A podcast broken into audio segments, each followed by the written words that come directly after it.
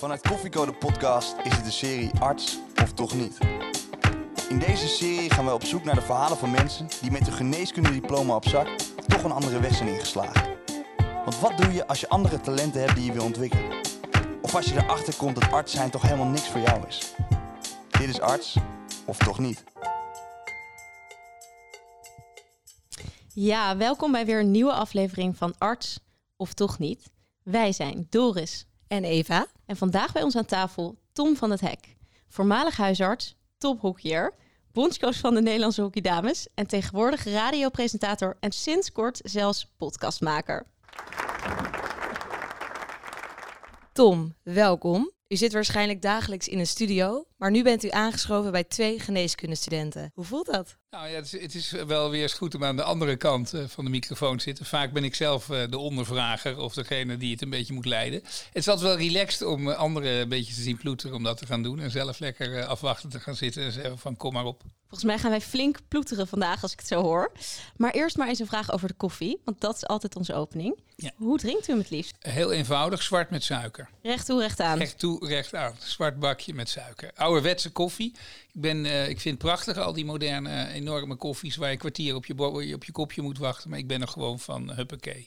Beetje zwart eh, en dan een beetje suiker erbij. En wanneer was er nou meer koffie nodig? Als arts of als radiopresentator? Nou, het zijn allebei wel beroepen waar je eh, inderdaad heel veel koffie eh, bij drinkt als je even niet oplet. Eh, in mijn periode als huisarts eh, leefde ik zo'n beetje 's morgens vroeg op, eh, op koffie. En toen heb ik ook wel eens eh, bedacht dat het een beetje te veel aan het worden was. Dus, eh, maar koffie, ik, ik, moet, ik, ja, ik vind het heerlijk, maar ik probeer het ook wel een beetje te beperken. Tom, u zit hier bij een aflevering van Arts of Toch Niet. En dat is niet voor niets. We willen het graag met u hebben over het bijzondere pad wat u heeft bewandeld. U bent huisarts geweest. U bent eigenlijk binnen de medische wereld geweest en weer buiten. En volgens mij ook weer half binnen aan het gaan. Nou, we hebben het er net al even over gehad. Maar voordat we beginnen, gaan we terug in de tijd. Ja, want u bent natuurlijk ook ooit student geweest, Ja. net zoals wij. Hoe was u eigenlijk als co-assistent? Oh Ja, dat weet ik eigenlijk niet. Ik heb over mijn, mijn studie, dat kon allemaal toen nog een beetje anders dan nu. Dus ik heb, we hadden vijf jaar, zeg maar, eigenlijk een soort theoretische studie. Eerst kandidaats en dan eh, moest je je doctoraal halen. En dan ging je pas je kooschappen doen. En over die eerste periode heb ik een vrij grondige tijd genomen om eh, dat eigen te maken. Dus heb ik wel zeven of acht jaar over gedaan. En ehm, toen ik eenmaal aan die kooschappen begon, kwam ik wel in een wat serieuzere fase van mijn leven. Want toen wilde ik het ook wel echt allemaal wat beter gaan doen. Ik had een beetje minimalistisch, zeg maar, zeker het eerste deel van mijn studie gehaald. Daarna was ik wel iets harder gaan werken. Maar die kooschappen heb ik op zich wel een hele dierbare herinnering aan. Want ik vond het wel een hele leuke en, en vrolijke tijd. Het was hard werken, kan ik me herinneren. Het was heel hard werken af en toe. Maar daardoor vond ik dat ook wel heel erg leuk. Met heel veel hele bevlogen mensen. En het was heel hiërarchisch. Ik weet niet of dat nu heel erg veranderd is. Maar het was toen nog eh, heel erg eh, keurig stelselmatig opgebouwd. Maar ik heb er toch over het algemeen ook wel heel veel vrolijke herinneringen aan. Dat klinkt goed. Wij eh, lopen soms ook wel eens tegen die hiërarchie aan.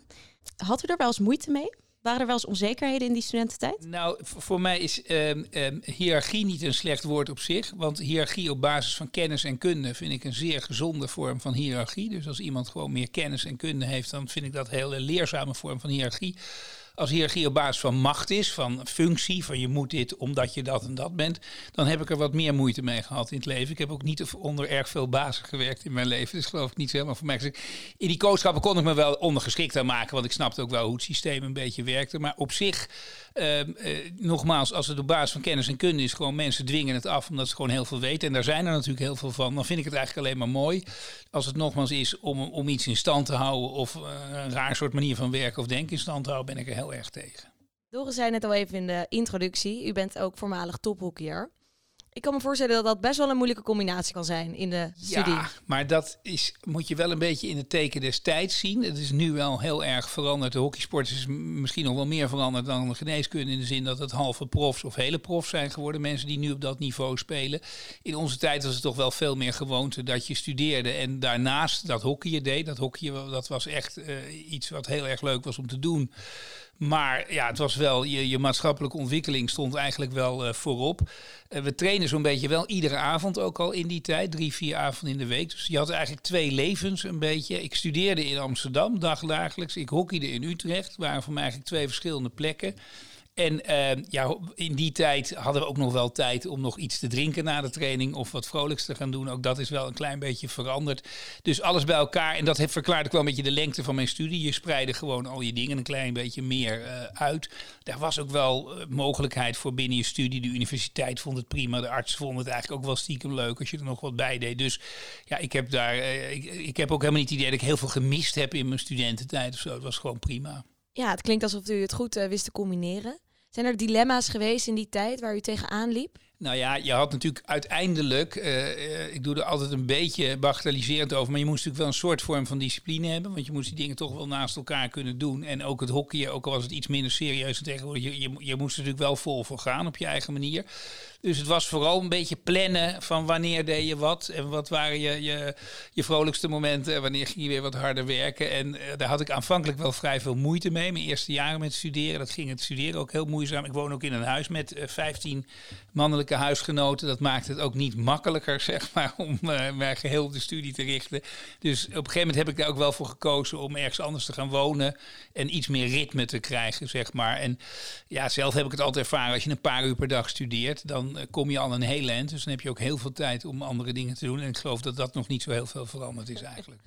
Dat klopt. Ik hoorde u net zeggen, uh, toen u begon met de kooschappen is er een beetje een omkeer gekomen. Toen bent u iets serieuzer geworden. Ja, omdat ik wel vond... Kijk, bij ons was het een hele lange theoretische aanloop. Dus ja, dat was gewoon zorgen dat je die tentamens haalde. En dat, dat kon je op verschillende manieren doen. Dan kon je heel goed gaan leren. Soms kon je ook heel veel oude tentamens uh, tot, tot je toe-eigenen. En je had allerlei natuurlijk... Maar goed, het was een beetje de, de manier hoe je het natuurlijk deed. Dat lukte allemaal wel, maar bij die kooschappen vond ik ineens, je kwam echt in aanraking met mensen. Je ging iets betekenen. Je had ook een soort verantwoordelijkheid, vond ik, zeker naar mensen die in, die in een ziekenhuis liggen. Of waar je, dus dan, toen vond ik wel echt dat je op een hele andere manier ernaar ging kijken. Dus ja, dat maakte ook wel dat je dat gewoon wel wat gerichter en serieuzer moest gaan doen, ja. En kon u wat leren van de discipline die u opbracht voor de sport, uh, om die terug te laten komen in de studie? Of ja, je had hard leren werken. Dat, ik, ik ben ouderwets in het opzicht, als je iets wil doen in je leven, moet je er veel voor doen. Dus wat het nou ook is, in je leven het kost veel kruim en energie. Dus uh, hard werken, dat had ik door de sport wel geleerd. En kooschappen was ook hard werken, dus ik, uh, ik ging daar niet over mopperen. Dus dat was... Uh... Op een gegeven moment komen die kooschappen dan tot een einde en haalt u uw artsexamen. Ja. Wat was uw volgende stap in het leven? Had u een idee toen, op de, rand van uw carrière, wat u wilde gaan doen? Ja, de, de huisartsenij, waar ik ook uiteindelijk terecht ben gekomen, was al heel lang eigenlijk mijn, mijn keuze van voorrang. Ik weet eigenlijk niet goed, want er is altijd zo'n vraag waarom dan en wanneer dan.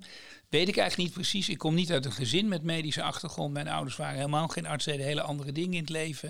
Ik had het ook niet in mijn directe omgeving, maar ik wilde toch van vrij jongs af aan, 13, 14 denk ik wel, was ik heel gericht op het kiezen van een pakket. Had je toen ook al met je pakketten op school. Ik wilde arts worden. Had ook wel iets moois, vond ik. Hè? Dat klonk altijd toch gewoon mooi. Arts worden, dat was ook wel wat nog wel getwijfeld over kindergeneeskunde, vond ik ook een heel mooi vak. Ik heb getwijfeld over psychiatrie en kinderpsychiatrie. Ik heb een heel mooi kooschap gelopen, wat me aan, erg aan twijfelen deed, deed, brengen. Maar uiteindelijk is het de huisartsenij uh, geworden. En dat, ja, de, achteraf kan ik allemaal zeggen dat het niet goed was misschien. Maar op dat moment was dat echt mijn, mijn, ja, mijn ja, pad wat ik gewoon wilde gaan volgen. Bent u meteen na de studie begonnen? Nee, ik ben nog van de generatie die ook nog het Nederlands leger diende in te gaan. En eh, voor mij was het eerlijk gezegd eigenlijk een ideale verlenging, omdat ik midden in mijn, in mijn hockeyperiode nog zat. Er een paar hele leuke periodes aankwamen. En dat was een ideale manier daar in dienst gaan om en een heel klein beetje bezig te blijven met die geneeskunde. Hoewel dat niet zo heel veel voorstelde hoor. De kazernedokter met 500 hele kerngezonde jonge mensen op, een, eh, op een kazerne. Uh, maar ik kon ideaal veel tijd. Je had ongelooflijk veel tijd om lekker te sporten en te doen. Dus dat was eigenlijk een soort verlenging van mijn studentenbestaan nog een jaar die heel goed uitkwam. Dus dat, dat ben ik eerst nog een jaar gaan doen. En toen ben ik richting de huisartsopleiding gegaan.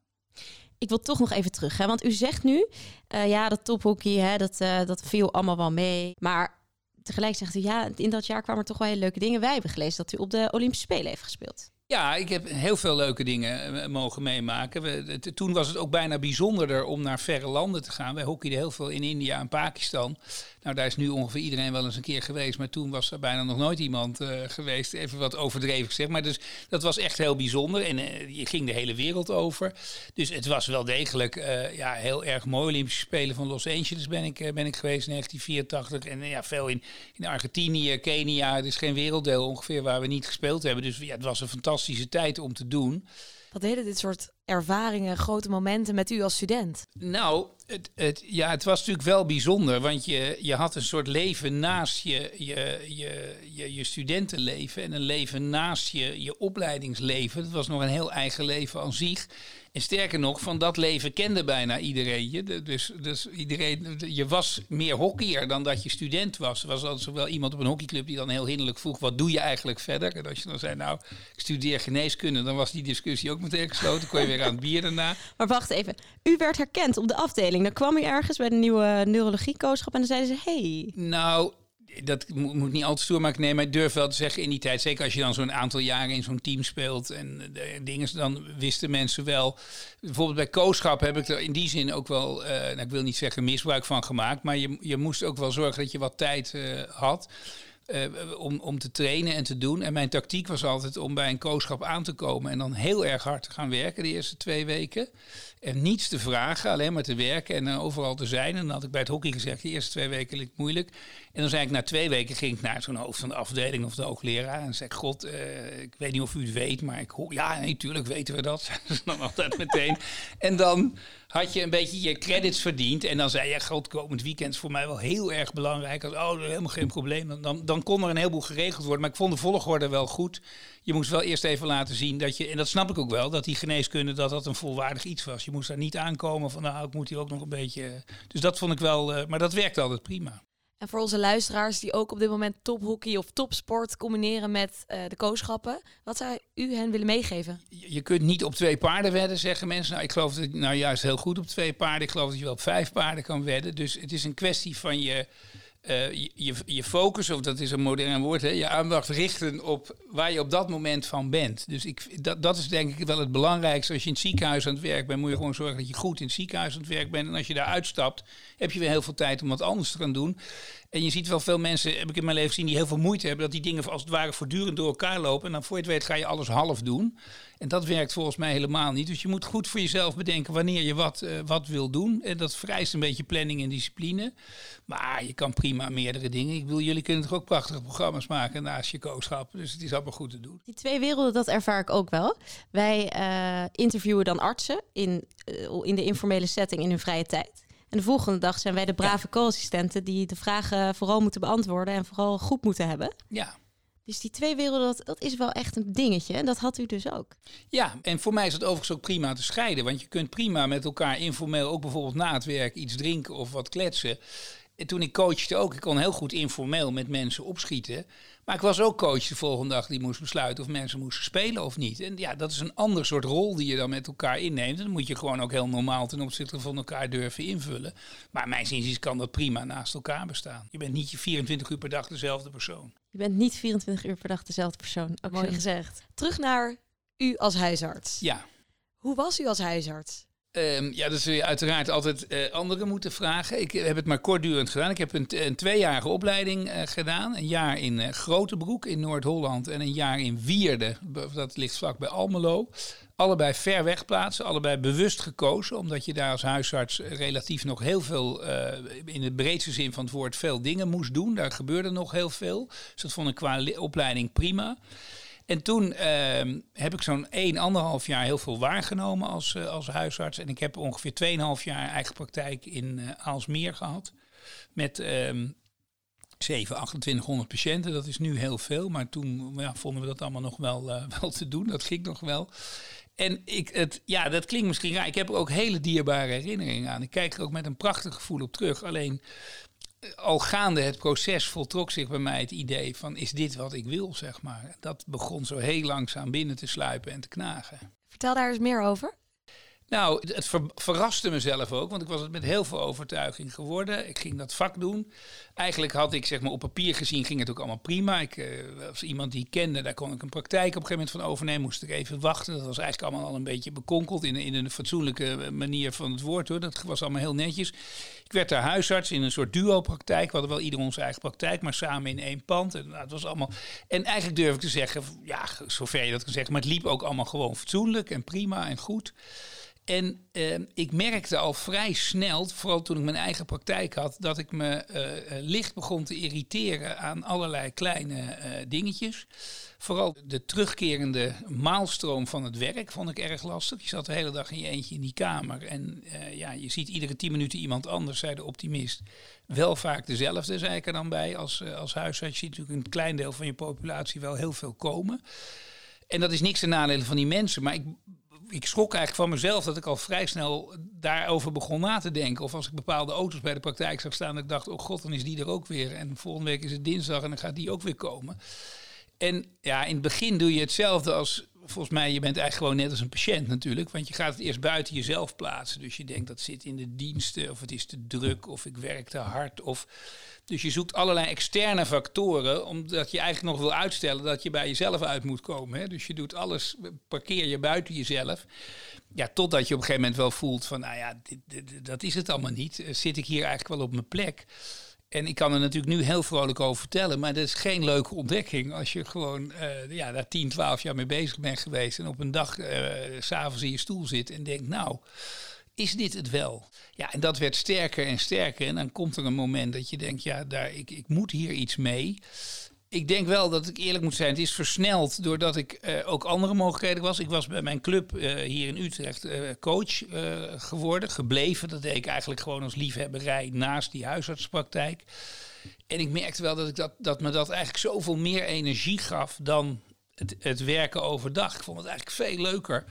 Maar ja, ik zag het ook niet voor me om mijn hele leven dat, uh, dat te gaan doen. Dus het was een soort mengelmoes van verwarring en een beetje dit en een beetje dat. En toen kwam de vraag of ik bondscoach wilde worden. En dat maakte het in die zin makkelijker, omdat dat een soort houvast en alternatief ook gaf om iets echt te gaan doen daarnaast en vandaar maar te gaan kijken. U, u kreeg die keuze of u kreeg die vraag, uh, wilt u bondscoach worden? Hoe, hoe was dat? Nou ja, ik was hier clubcoach en dat ging allemaal redelijk goed. En er speelden ook meisjes van in het Nederlands elftal. En uh, daar was het op dat moment allemaal een beetje rommelig en een hoop gedoe. Dus die informeerde zo al stiekem, zou jij ons dan niet, uh, weet je. En ik zei, ja, nee, ja, ik ben huisarts. Ik deed dat echt puur uit, uit hobbyisme. Ik was ook helemaal geen professional coach of zo. Dus dat was ook allemaal een beetje raar. Dat lag ook moeilijk bij zo'n bond, want ik had geen opleiding en ik had geen cursus gedaan als coach en zo. Dus om dan zo iemand, weet je wel. Dus het lag allemaal een beetje ingewikkeld. En ja, toen kwam die vraag. Alleen het was voor mij niet of huisarts of coach. Hoor. Als die vraag niet was gekomen, was ik een half jaar later met die huisarts eigen gestopt. Dus het heeft het proces wel versneld, maar het is niet een of-of keuze geweest of zo. Dat zegt u nu wel met heel veel zekerheid. Dat ja, u zeker was gestopt een half jaar ja, daarna. Uh, het, het, proces van te weinig werkplezier, zeg maar. Mezelf afvragen, wat doe ik hier de hele dag in die kamer, zeg maar. Dat dat... Ja, dat, dat werd steeds knagender. En het grappige is dan, als je eenmaal het besluit neemt dat je stopt, dan ga je het werk weer steeds leuker vinden. Ja. Dan, ja. dan, ga je zelfs twijfelen van heb ik wel het goede besluit genomen. Maar dat was puur omdat ik eigenlijk wist dat er een soort eindig, eindigheid aan zat. Ik heb geen naar gevoel aan het werk over. Ik vond het heel mooi werk. Ik blijf zeggen, dat is misschien raar, maar er is geen vak waarbij je zo'n intens contact met mensen hebt als het zijn van arts. Er zijn allerlei andere vakken, die zijn ook prachtig, maar de, de, de contacten die je met mensen hebt en de kwetsbaarheid waarin je mensen ziet, ja, die is gewoon, wat mij betreft, dat is fantastisch. Dus dat is ook bijzonder. Maar ondanks dat, ja, vond ik gewoon te veel andere dingen leuk ook, zeg maar, om, om daar gewoon dag in dag uit in die kamer te gaan zitten. Zijn er momenten geweest dat u teleurgesteld bent geweest in uzelf?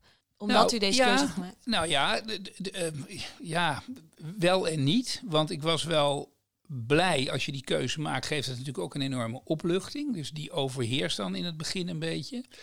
Maar uh, je, je kan je wel voorstellen, er zit ook heel veel sociale druk om je heen van allerlei mensen. Niet eens mensen die dat rechtstreeks doen, maar natuurlijk goed, je, je andere artsen om je heen. Die me overigens fantastisch geholpen hebben, dus geen kwaad woord erover. Maar je voelt wel een beetje de druk van allemaal mensen. Van wat ga jij nou doen? En dan zit je eindelijk op je bestemming. Ik was al een beetje vlierenfluiterig persoon. Uh, weet je, ik was al zo iemand geweest die een beetje zo wat langer over alles deed. Dus toen zat ik eindelijk ergens. Moet zeggen, niet zozeer vanuit mijn familie en mijn directe omgeving. Ik had geen ik denk dat dat ook wel speelde. Ik had geen uh, hele grote lasten op dat moment. Ik had nog geen huis gekocht. Ik had geen vaste relatie. Dus er waren weinig krachten in dat opzicht die een belangrijke rol speelden. Dus ik had ook nog wel de mogelijkheid. En dat was het ook wel een beetje. Ik denk, moet het nu doen? Want als ik nog drie of vijf jaar wacht ja, dan kom je zo wat heel veel mensen vinden dat er geen weg terug meer is, er te veel verplichtingen zijn in het leven en dan kan je geen kant meer op. En dat wilde ik wel voorblijven. En ik ben er wel van overtuigd dat ik links of rechtsom dat vak wel verlaten had, alleen misschien iets later. Wat was voor u het allermoeilijkste aan het verlaten van dit vak?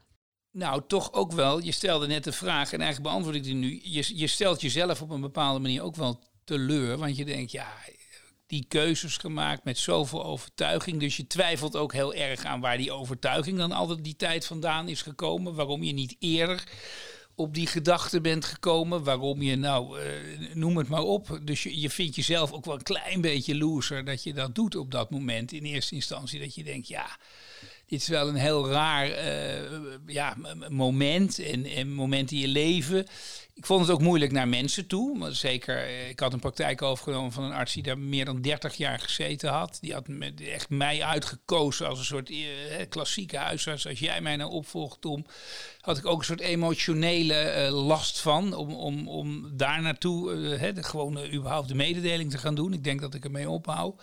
Nou, was allemaal lastig. Maar, maar ja, ook je vindt jezelf natuurlijk ook wel in eerste instantie. Denk je ook wel een beetje van. het is leuk dat je nu weet wat je niet bent op deze leeftijd. Maar wat je dan wel, maar wat wel, dat, dat helpt je ook niet op dat moment, nee. Heeft u uh, een moment zich dan een beetje hulpeloos gevoeld? Van wat nu? Uh, hoe verder? nou, kijk wel, ik, ik, ik kon direct dat coachen oppakken. Dus dat was, maar dat noemde ik zelf wel diep in mijn hart. Dat zei ik nooit hardop tegen anderen, maar een klein beetje een vluchtheuvel. Van het is wel lekker, want het biedt mij houvast, het geeft mij werk. Geeft me ook gewoon ordinair gezien inkomen en salaris om gewoon de komende periode door te komen. En een soort even nadenken hoe of wat. En van daaruit begonnen zich wel langzaam eh, andere dingen te ontwikkelen. Maar toch de moeilijkste tijd zat eigenlijk tussen het, het voelen dat je denkt, ik moet ermee ophouden en, en het besluit. Daar zit echt drie kwart jaar of een jaar tussen van veel woelen s'nachts, veel nadenken. En als je het eenmaal genomen hebt, ook al ben je dan een beetje teleurgesteld in jezelf, zo, dan heb je een soort, ja, dan staat het en dan kijk je vooral weer vooruit, wat ga ik nu wel doen, zeg maar. En, en daar was ik altijd wel, ja, ik dacht dat ik heb uh, arme benen, ik ben gezond, kan hard werken, het komt wel goed. Die angst heb ik niet gehad verder. Was het een eenzame periode?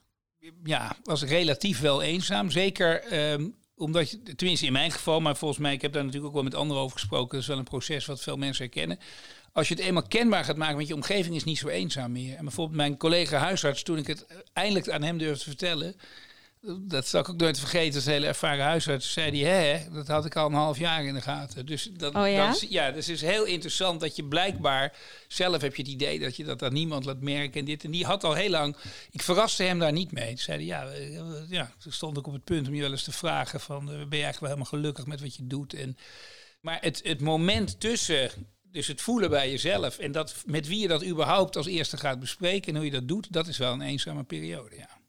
U zei al, de laatste periode van uw huisartsencarrière heeft u nog eigenlijk het meest uh, genoten. Toen was de druk een beetje ervan af. Uh, wat waren dingen waar u als huisarts nou echt van kon genieten? Nou, dat is wat ik net al een beetje zei, dat intense contact wat je hebt met mensen. En ik vind zeker het uh, familiaire karakter van de huisarts, dat je een, een heel ja, zeg maar, ecosysteem van, van mensen kent om de personen heen. Waardoor je ook veel beter kan duiden soms, voor mijn gevoel. Is dat heel, heel belangrijk in huisartsenij, dat je doordat je het hele systeem kent, ook veel beter kan duiden. Het hoe en waarom van sommige klachten, achtergronden, angsten die mensen hebben, redenen waarom ze vaker of minder vaak komen. Klinkt als een hele sociale huisarts. Ja, maar ik denk ook dat, dat um, het huisartsenvak is wel iets waar, waarmee je echt uh, een verschil kan maken. Daar ben ik nog steeds van overtuigd. Een goede huisarts is, uh, is van groot belang. Omdat hij heel dicht bij de eerste presentatie van mensen staat. En nogmaals, vaak heel goed weet in welke omgeving uh, mensen dit doen. En ik ga zeker mensen boos maken als ik ook zeg dat huisarts wat mij betreft bij uitstek een vak is wat je fulltime moet doen. Want dat was voor mij ook een van de redenen om ermee op te houden omdat als je drie dagen huisarts bent, en uh, ja, dan kunnen mensen heel boos worden, dat weet ik, heb ik al heel vaak. Uh, als je drie dagen huisarts bent, dan mis je ook twee of vier dagen. Het ligt er maar aan hoe je er naar kijkt. En dan word je meer een behandelaar van de directe kwalen van mensen dan dat je nog helemaal die mensen. En ik weet mensen mij allemaal gaan uitleggen dat het goed wordt overgedragen. Als dat klopt. Maar overdragsmomenten zijn de gevaarlijkste momenten in de gezondheidszorg. Dat weet ook iedereen. Je gaat informatie... Je gaat eh, informatie missen. En dus ja, wie ben ik dat ik dat kan zeggen? Hè? Dat ik er heel snel mee opgehouden ben. En nu tegen mensen zeg je mag. Dus ik zeg ook niet, je mag niet part-time, want het is gewoon een teken des tijds. Dus we moeten daar ook gewoon met elkaar hebben. Maar als je het in de zuiverste zin van het woord bekijkt, het vak huisarts, is het voor mij bij uitstek een vak wat je fulltime zou moeten doen. Het is belangrijk om je patiënten te kennen. Ja, en juist in een langduriger verband, in een breder verband. En eh, kijk, die weekenddiensten zijn ook al helemaal eh, naar eh, ver buiten alle plaatsen. Je, moet, je kan beter Fort Knox beroven, zeg ik altijd, dan dat je naar een weekenddienst probeert binnen te komen bij een huisartsenpost. Ik overdrijf uiteraard iets, maar de, dat, ik snap ook dat hele systeem. De druk op de gezondheidszorg is enorm geworden, dus ik snap het ook heel goed. Maar het is wel, als je gewoon in zo'n dorp dienst deed en je werd gebeld, kon je dat vaak heel direct plaatsen in het hoe, wat en waarom van de omgeving. En nu is het natuurlijk allemaal wat anoniemer geworden. En nou ja, dat is teken destijds ni niks ernstigs. Heel eerlijk gezegd, stel u had het wel kunnen combineren. Voor u was het niets. Maar stel u zou nu de radio kunnen doen en een huisartsenbaan kunnen doen. Twee dagen in de week, drie dagen in de week. U zegt het is misschien niet het allerbest voor de zorg, maar is het wel het allerfijnst voor nou ja, dat is een hele interessante vraag. Omdat ik ook zeg, de tijd is helemaal veranderd. Dus de mensen die het vak doen, dat snap ik ook heel goed. Daarom zeg ik ook, wie ben ik dat ik dit moet zeggen? Alleen als ik het zuiver vanuit de invulling van het vak krijg, en, vak krijg, en dat is wat ik net deed, dan denk ik dat fulltime arts het mooiste is wat er is. Maar je kan beter een gezonde parttime arts hebben dan een uitgebluste fulltime arts. Dus in die zin snap ik ook heel goed dat je kijkt hoe je zaken kunt invullen. En er zijn ook een heleboel zaken in de gezondheidszorg die juist zich heel goed lenen voor parttime, mijn inziens hoor. En stel je was nu, u stond nu voor de keuze in deze tijd, in 2020. Hoe had u hem dan gemaakt? Ja, ik durf bijna niet zeggen, want dan was ik parttime huisarts geworden. Ja, en dan had ik waarschijnlijk andere dingen daarnaast gedaan. Dan was die mogelijkheid er wat meer geweest. En dan had ik daar waarschijnlijk ook aan meegedaan. Dus Interessant. Ik denk dat het tijd is om terug te gaan naar het hockeyveld. Ja, zeker. U uh, bent toen gaan coachen voor de Nederlandse dames. Uh, hoe beviel dat? Ik vond het ongelooflijk leerzaam. Ik ging dat doen en je loopt tegen allerlei dingen aan. En mensen coachen is iets heel anders dan, dan nou ja, iets voordoen of iets uitleggen. Het is echt mensen ook weer begeleiden en proberen in een sfeer te brengen. En dat ze de, het beste van zichzelf durven te laten zien. Dat ze hun creativiteit durven tonen als belangrijk is. Dus dat was een hele intense uh, periode. En dat heb ik uiteindelijk uh, zes jaar gedaan. Waarvan uh, durf ik wel te zeggen, zo 4,5 tot 5 jaar dat redelijk goed gegaan is. In het laatste jaar werd het wat, uh, wat, wat moeizaam, zeg maar. Omdat je ook gewoon de slijtage dan ziet bij jezelf herkent. Lang met een groep. En dan gaan uh, alle klassieke processen gaan dan ook een, een, rol spelen, zeg maar. En welke eigenschappen die een bondscoach moet bezitten, kwamen overeen met die van een huisarts? Dat is geloof ik een moderne woord, hè, verbinding maken. Maar je in verbinding stellen met mensen. Voor, voor mijn gevoel was, was um, ja, als, je als je een patiënt spreekt. Dan is het eerste wat je wil is geïnteresseerd zijn in een persoon. Omdat als je, pas als je iets weet van iemand, kan je ook beter gaan duiden wat hij je vertelt. Nou, ik vind het coachen eigenlijk precies hetzelfde. Je gaat je verplaatsen. Ik heb een aantal jaar geleden nog, toen mijn dochter jong was, ook een aantal jaren een elftal gecoacht. Met mij veel jongere leeftijd. Je hebt maar één taak, dat is je toch ook echt te verplaatsen in de beleving van in dat geval die 12 of 13-jarige kinderen. En van daaruit kun je dan ook iets gaan toevoegen. Maar als je alleen maar heel vakinhoudelijk dingen toevoegt, dat is wat wij mijn inziens vaak doen, hè, ook trainer en zo, is, is voortdurend het aanleren van vaardigheden. Nou, dat is prima, dat moet je ook doen, want dat is een basisvoorwaarde om een vak goed te doen. Maar coachen van mensen is dat ze ook daadwerkelijk het beste durven doen in een situatie op het moment dat ze dat moeten doen. En dat vraagt ook veel meer ja, gedragsachtige kant dan alleen een vaardigheid en een oefeningenkant. Grappig, want inderdaad, toen ik net vroeg van wat mist u nou, mist u aan het huisarts zijn of wat vond u het moeilijkst om afscheid van te nemen, dan ging dat ook over die sociale kant van dat huisartsenvak. Ja, maar ik geloof ook dat mensen ehm, uh, dat je mensen pas kunt begrijpen als je, als je snapt wat er in mensen omgaat en je wilt verplaatsen in wat er in die mensen omgaat en van daaruit probeert met elkaar ergens te komen. En dit klinkt heel idealistisch, want dat lukt je ook niet in elk gesprek en elke dag. En nou, dat moet ook niet, uh, niet te mooi maken. Maar het is wel een basisvoorwaarde. En mijn zin zie je vaak, uh, laat ik het ook tot sporttraining wat ik om me heen zie. Er komt iemand die een aantal vaardigheden gaat overbrengen. En daar als een soort manager, uh, soldaat boven staat uit te leggen en te schrijven wat mensen moeten doen.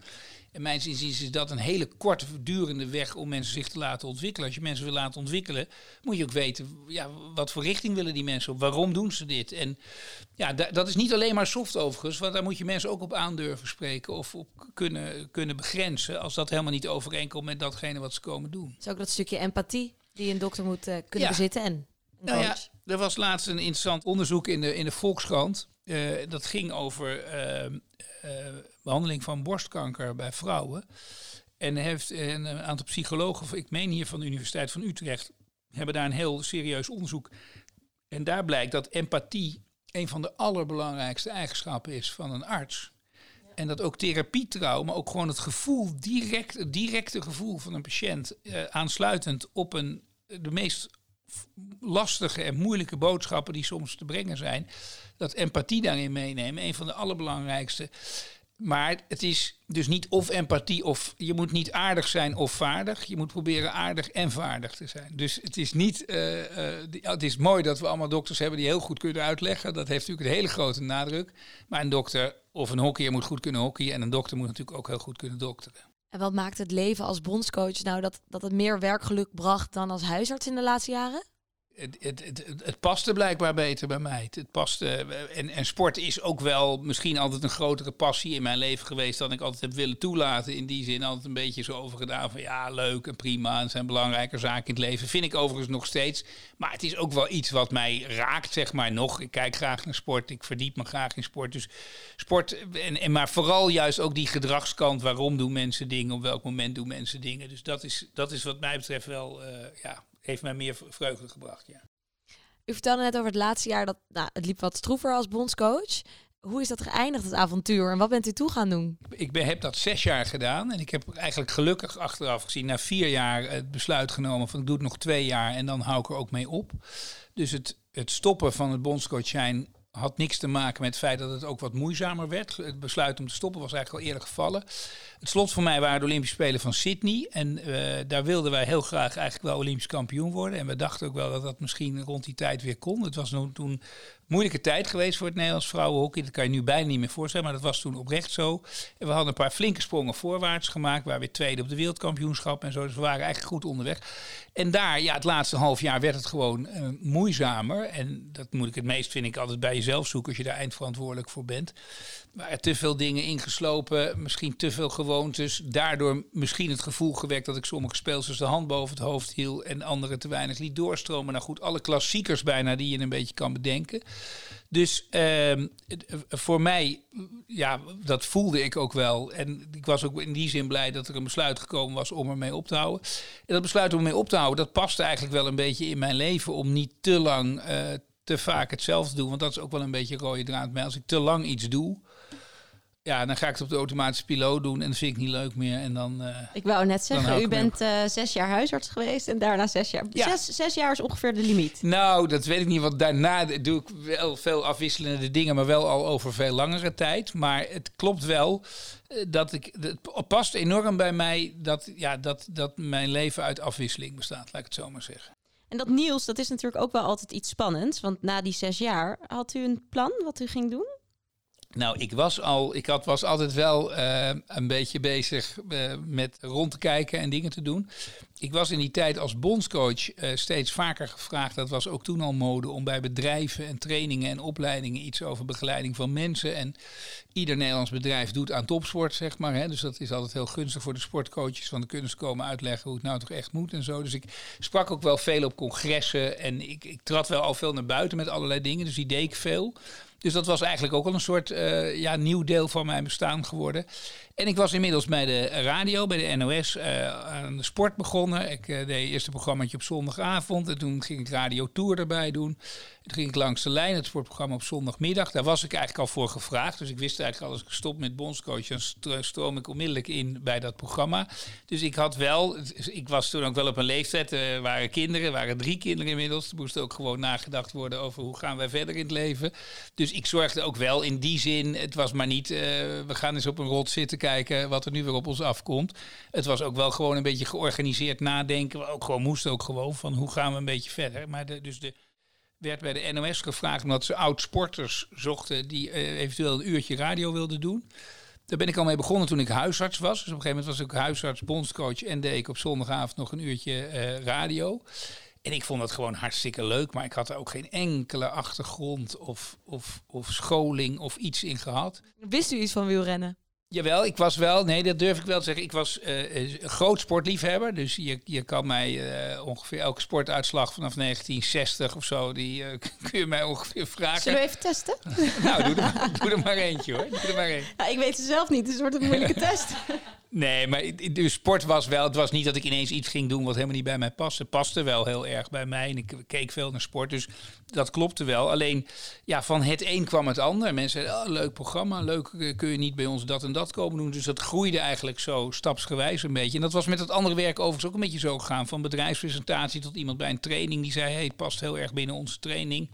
Dus die dingen zijn altijd wel heel organisch gegroeid, noem ik dat maar. Nu je dit zegt, komt er iets bij me op. Want u bent natuurlijk huisarts. En als arts heb je toch in deze maatschappij een bepaalde geloofwaardigheid of een, bepaald, een bepaalde ja, status, kan je bijna wel zeggen, over je heen. Heeft dat eraan bijgedragen, denkt u, dat u zoveel gevraagd werd voor al die dingen? Nou, dat weet ik niet exact. Ehm, als je het hebt over geloofwaardigheid of consistentie, of, uh, dan vind ik dat wel iets heel belangrijks. Dus ik vind dat het ook heel belangrijk is dat je in je leven weet wat je vooral niet moet doen. Ik ben ook heel vaak voor dingen gevraagd waar ik nee op gezegd heb, omdat ik vond dat die helemaal niet bij mij paste of dat ik er helemaal het verstand niet voor heb. Dus en ik denk dat geloofwaardigheid ook iets is wat je behoudt, om, omdat de dingen als je die doet, als die ook geloofwaardig zijn en geloofwaardig overkomen, dan zullen mensen jou uh, het etiket van geloofwaardig opplakken.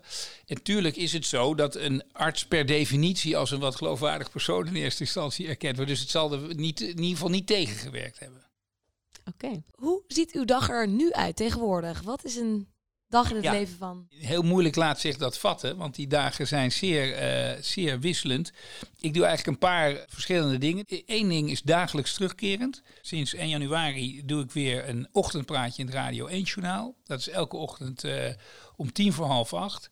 En dat gaat eigenlijk over de sport van de dag ervoor, of wat er leeft in de sportwereld. Dus elke avond rond een uur of tien, half elf bel ik even met de redactie maken we een onderwerp samen. Meestal kies ik dat zelf of in samenhang met hun. En daar hebben we dan een soort rubriekje over. Dus dat is eigenlijk vast dagelijks iets wat ik iedere ochtend doe. Maar dat is eigenlijk maar vijf minuten werk. Dat doe ik uh, met een prachtig apparaatje van huis uit, uh, zittend op de bank. En daarna uh, zijn mijn dagen zeer wisselend. Ik doe gemiddeld zeg maar één avonduitzending in de week radio.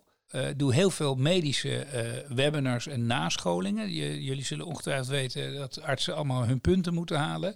Nou, vroeger waren dat allemaal de klassieke congressen, studiedagen. Dat beginnen ook steeds meer uh, online nascholingen te worden. En dan moet je je voorstellen dat zoals wij nu hier zitten, zit ik dan aan de, aan de presentatiekant en zit er bijvoorbeeld een, hoogleraar urologie over prostaatkanker. Er zit een arts bij uit een perifeer ziekenhuis en bijvoorbeeld een huisarts. En dan maken we programma's, ook live voor doelgroepen, voor huisartsen, voor specialisten. Maak ook podcasts, medische podcasts op allerlei verschillende uh, onderwerpen. En dat is heel vaak één op één met, met een, bepaald onderwerp. Of bijvoorbeeld een serie. Serie over acute myeloïde leukemie. En dan met drie soorten invalshoeken. Een serie, nou goed, ik heb voor BNR nu een serie gemaakt over... Uh, wordt kanker een chronische ziekte of is kanker onderweg naar een chronische ziekte worden? En wat is daar dan voor nodig en welke implicaties zou dat hebben? Dus nou, mijn, mijn dagen zijn eigenlijk uh, heel wisselend. Soms heel druk ook. Soms moet ik echt heel hard werken. En soms kun je mij ook heerlijk uh, op de hoek uh, in het dorp met een kopje koffie om tien uur met de krant aantreffen. En dan zit ik lekker buiten in het zonnetje een beetje te lezen. U zegt zo ongeveer vijf jaar bent u weer meer dat medische gaan doen. Was er een aanleiding daarvoor? Miste u het? Eens arts, altijd arts, zeggen mensen wel eens. Ik ben, daar ben ik, dat is toch een klein beetje zo. Dus ik heb al die jaren altijd wel de medische wereld erg gevolgd. Wel aan de buitenkant, maar vooral ook, ook hoe het zich organisatorisch ontwikkelde, hoe het zich maatschappelijk ontwikkelde, hoe de hele eh, gezondheidszorg georganiseerd wordt. Dus daar ben ik altijd wel mee bezig gebleven. En ja, dan zo van het een komt het ander. Het is eigenlijk, kijk, ik ben iemand van, uh, dit heet koffie en co. Ik ben iemand van ontzettend veel koffie drinken met mensen. En waarom ik dat zeg is, uh, ik tref heel vaak mensen die denken, goh, leuk wat jij doet. En misschien heb ik wel wat voor je. En dat is niet een, een, een uitruil dan, maar ik drink heel vaak koffie met mensen om gewoon even bij te praten wat zij doen. En 9 van de 10 keer komt er helemaal niks uit, maar dat geeft helemaal niet, want het gesprek is interessant genoeg en je leert er wat van om weer op een andere manier mee te nemen. En 1 op de 10 keer, en je weet nooit wanneer, komt daar weer iets nieuws uit van leuk, nou, dan kunnen we dat misschien doen. En zo doe ik het zelf ook. En ik geloof heel erg dus in, ehm, ja, als je van A naar B moet, dan is via C niet de snelste route, maar soms wel het leukst. Dus je moet soms ook wat zijsprongetjes nemen in je leven om weer op een volgende plek te komen. En als je alleen maar heel gericht dag in dag uit bezig bent met uh, zo'n rechtlijnige lijn, laat ik het in ieder geval zo zeggen, dat zou voor mij helemaal niet werken. U komt op mij over als een hele positieve man die niet bang is voor het leven, niet bang is voor dat zijsprongetje C. Klopt dat? Nou, wel en niet. Uh, onafhankelijkheid is misschien wel mijn grootste uh, goed in het leven of doel. Onafhankelijk zijn in de zin van je niet afhankelijk voelen dat je allerlei dingen moet doen die je eigenlijk niet zou willen doen, maar omdat iemand anders dat nou eenmaal van je verlangt. Dat is wat anders overigens dan dat je gewoon in een proces werkt waar soms gewoon dingen moeten gebeuren en dat iedereen wel zijn dag heeft. Dat bedoel ik niet, maar echt dus voor mij is onafhankelijk blijven altijd wel een heel belangrijk, bijna ja, een soort doel geweest in het leven. En uh, ja, daar zitten ook risico's aan. Dus daar zitten ook risico's aan dat je soms sprongetjes maakt waar je niet helemaal van weet waar je naartoe springt.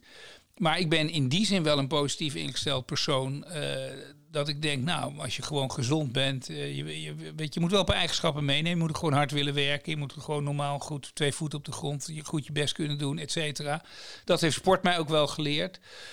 En wat sport mij heel erg geleerd heeft, uh, en dat klinkt zo simpel, is ik zie heel veel mensen die heel veel energie besteden aan dingen waar ze niet van zijn. Dus zich voortdurend ergeren aan de organisatie waar ze in werken, die ze niet kunnen veranderen, zich voortdurend.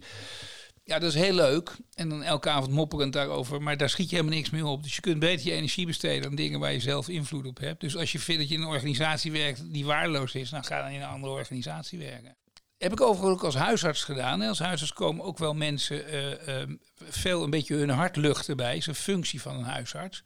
Vind ik, vond ik ook prima. Maar ik zei altijd wel na twee keer of zo... ja, wat wilt u dat ik er dan mee doe? Als er iemand wat mee moet doen, dan moet u, het, moet u het zelf doen. Een pokkenhuwelijk hebt, dan moet je ermee of mee ophouden of wat aan gaan doen. Nee, maar klinkt even simpel, maar je snapt wel wat ik bedoel. Dus ik vind ook dat je mensen op hun eigen verantwoordelijkheid terug moet werpen en moet, moet wijzen. En wij zitten wel in een, in een tijdsgevricht waar heel veel uh, naar elkaar gewezen wordt en heel veel naar instanties verwezen wordt en naar organisaties en mensen die dat voor je moeten doen.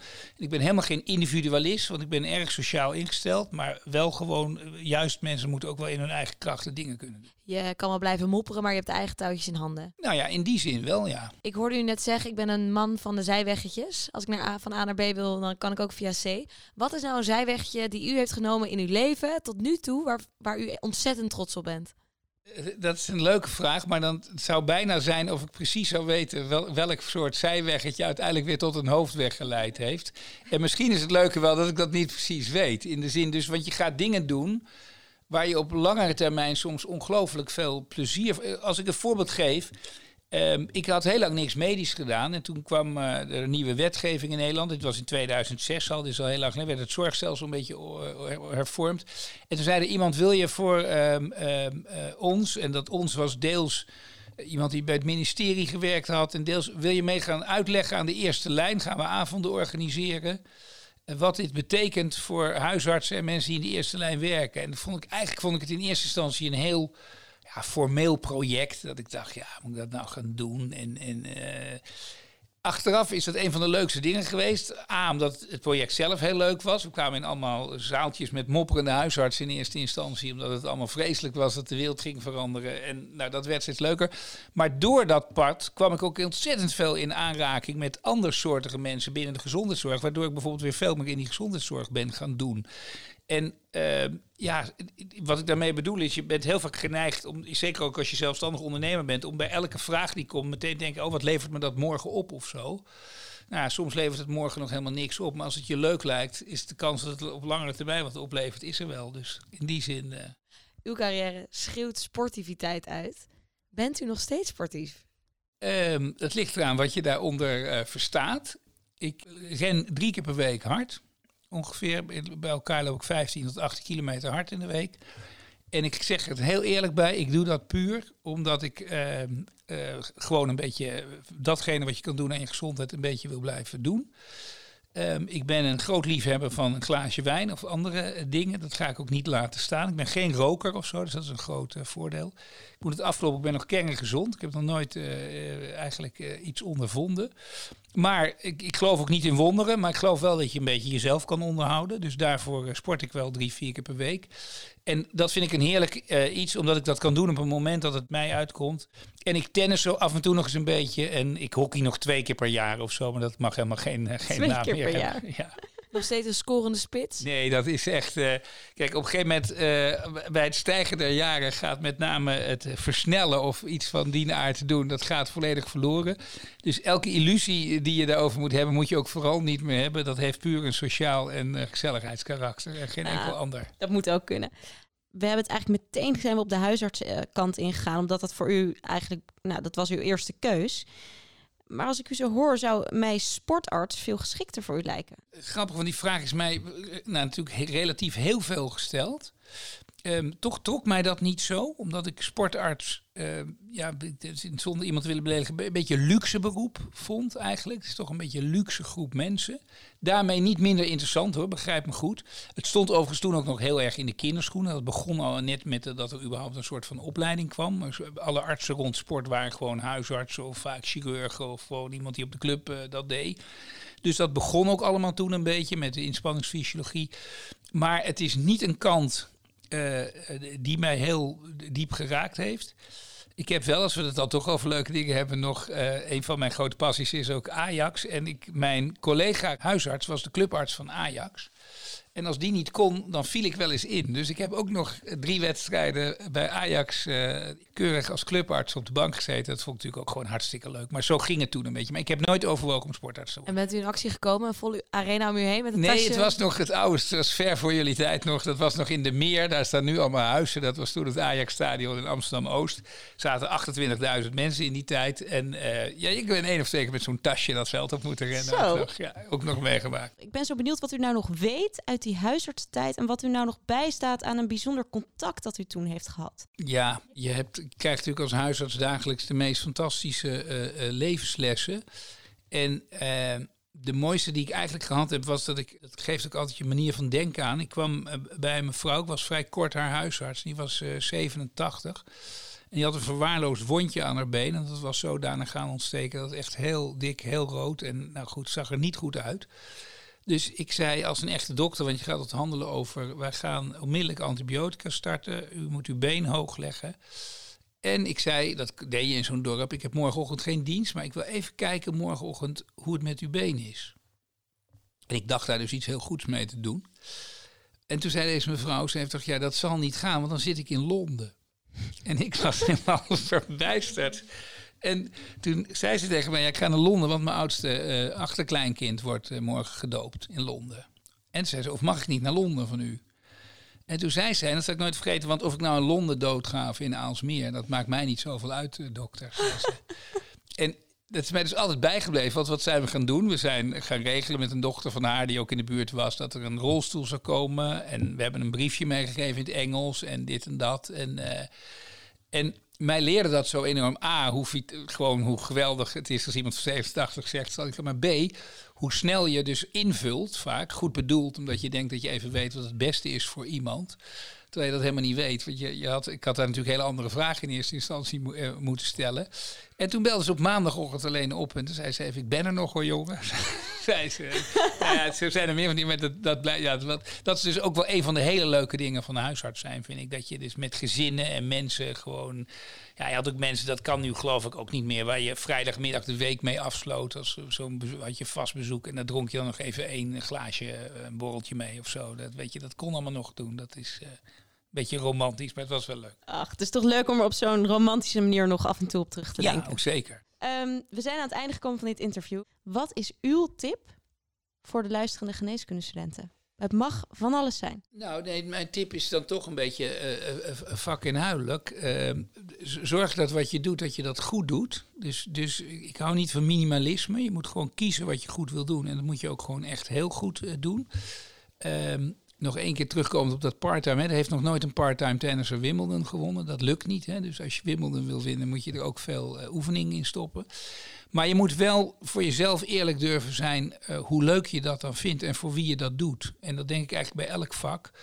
Ehm, als je het doet omdat anderen van je verwachten dat je dat vak goed doet, dan ga je op een gegeven moment in je leven spaak lopen. En als je echt diep intrinsiek voor jezelf denkt, nee, maar dit is mijn vak, dit is een fantastisch vak, dat ga ik doen, dan moet je het vooral doen.